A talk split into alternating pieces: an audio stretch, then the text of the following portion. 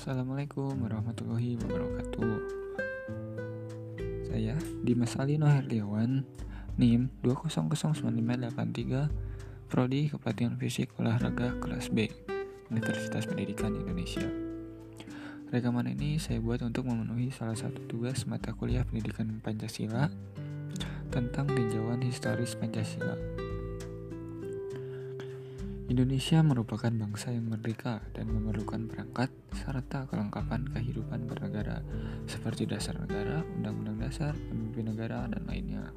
Salah satu contohnya yaitu Pancasila. Nah, Pancasila ini menjadi dasar atau tempuan dan tata cara penyelenggaraan negara dalam usaha mencapai cita-cita kemerdekaan Indonesia. Selain menjadi dasar negara, Pancasila juga menjadi pandangan hidup bangsa Pancasila ini menghidupi atau juga bisa dihidupi oleh bangsa Indonesia dalam seluruh rangkaian yang bulat dan utuh tentang segala pola pikir bangsa Indonesia.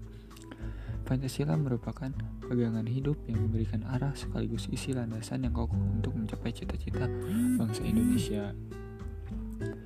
Lalu juga bisa sebagai uh, kepribadian bangsa atau ciri Pancasila merupakan pilihan unik yang paling tepat bagi bangsa Indonesia karena merupakan cermin sosial budaya bangsa Indonesia sejak adanya di bumi Nusantara.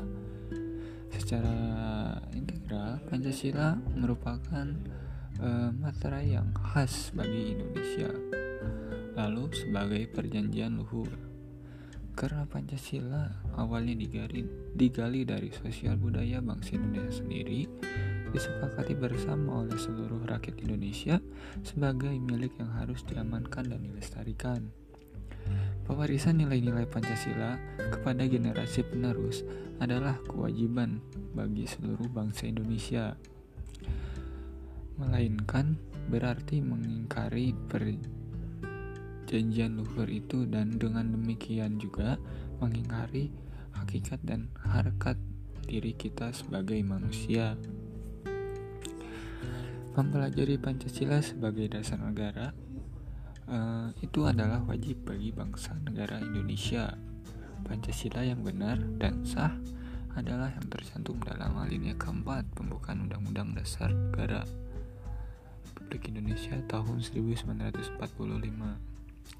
Nah, latar belakangnya itu dalam sidang BPUPKI tanggal 29 Mei 1945, Muhammad Yamin menyampaikan telah pertama tentang dasar negara Indonesia, yaitu nilai ketuhanan sebagai fundament kenegaraan, yang kedua nilai kemanusiaan, tiga nilai persatuan, keempat nilai demokrasi permusyawaratan, yang dan yang terakhir nilai-nilai keadilan dan kesejahteraan sosial.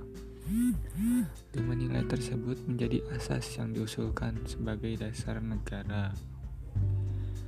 Demikian yang dapat saya sampaikan. Mohon maaf bila ada kekurangan. Terima kasih. Wassalamualaikum warahmatullahi wabarakatuh.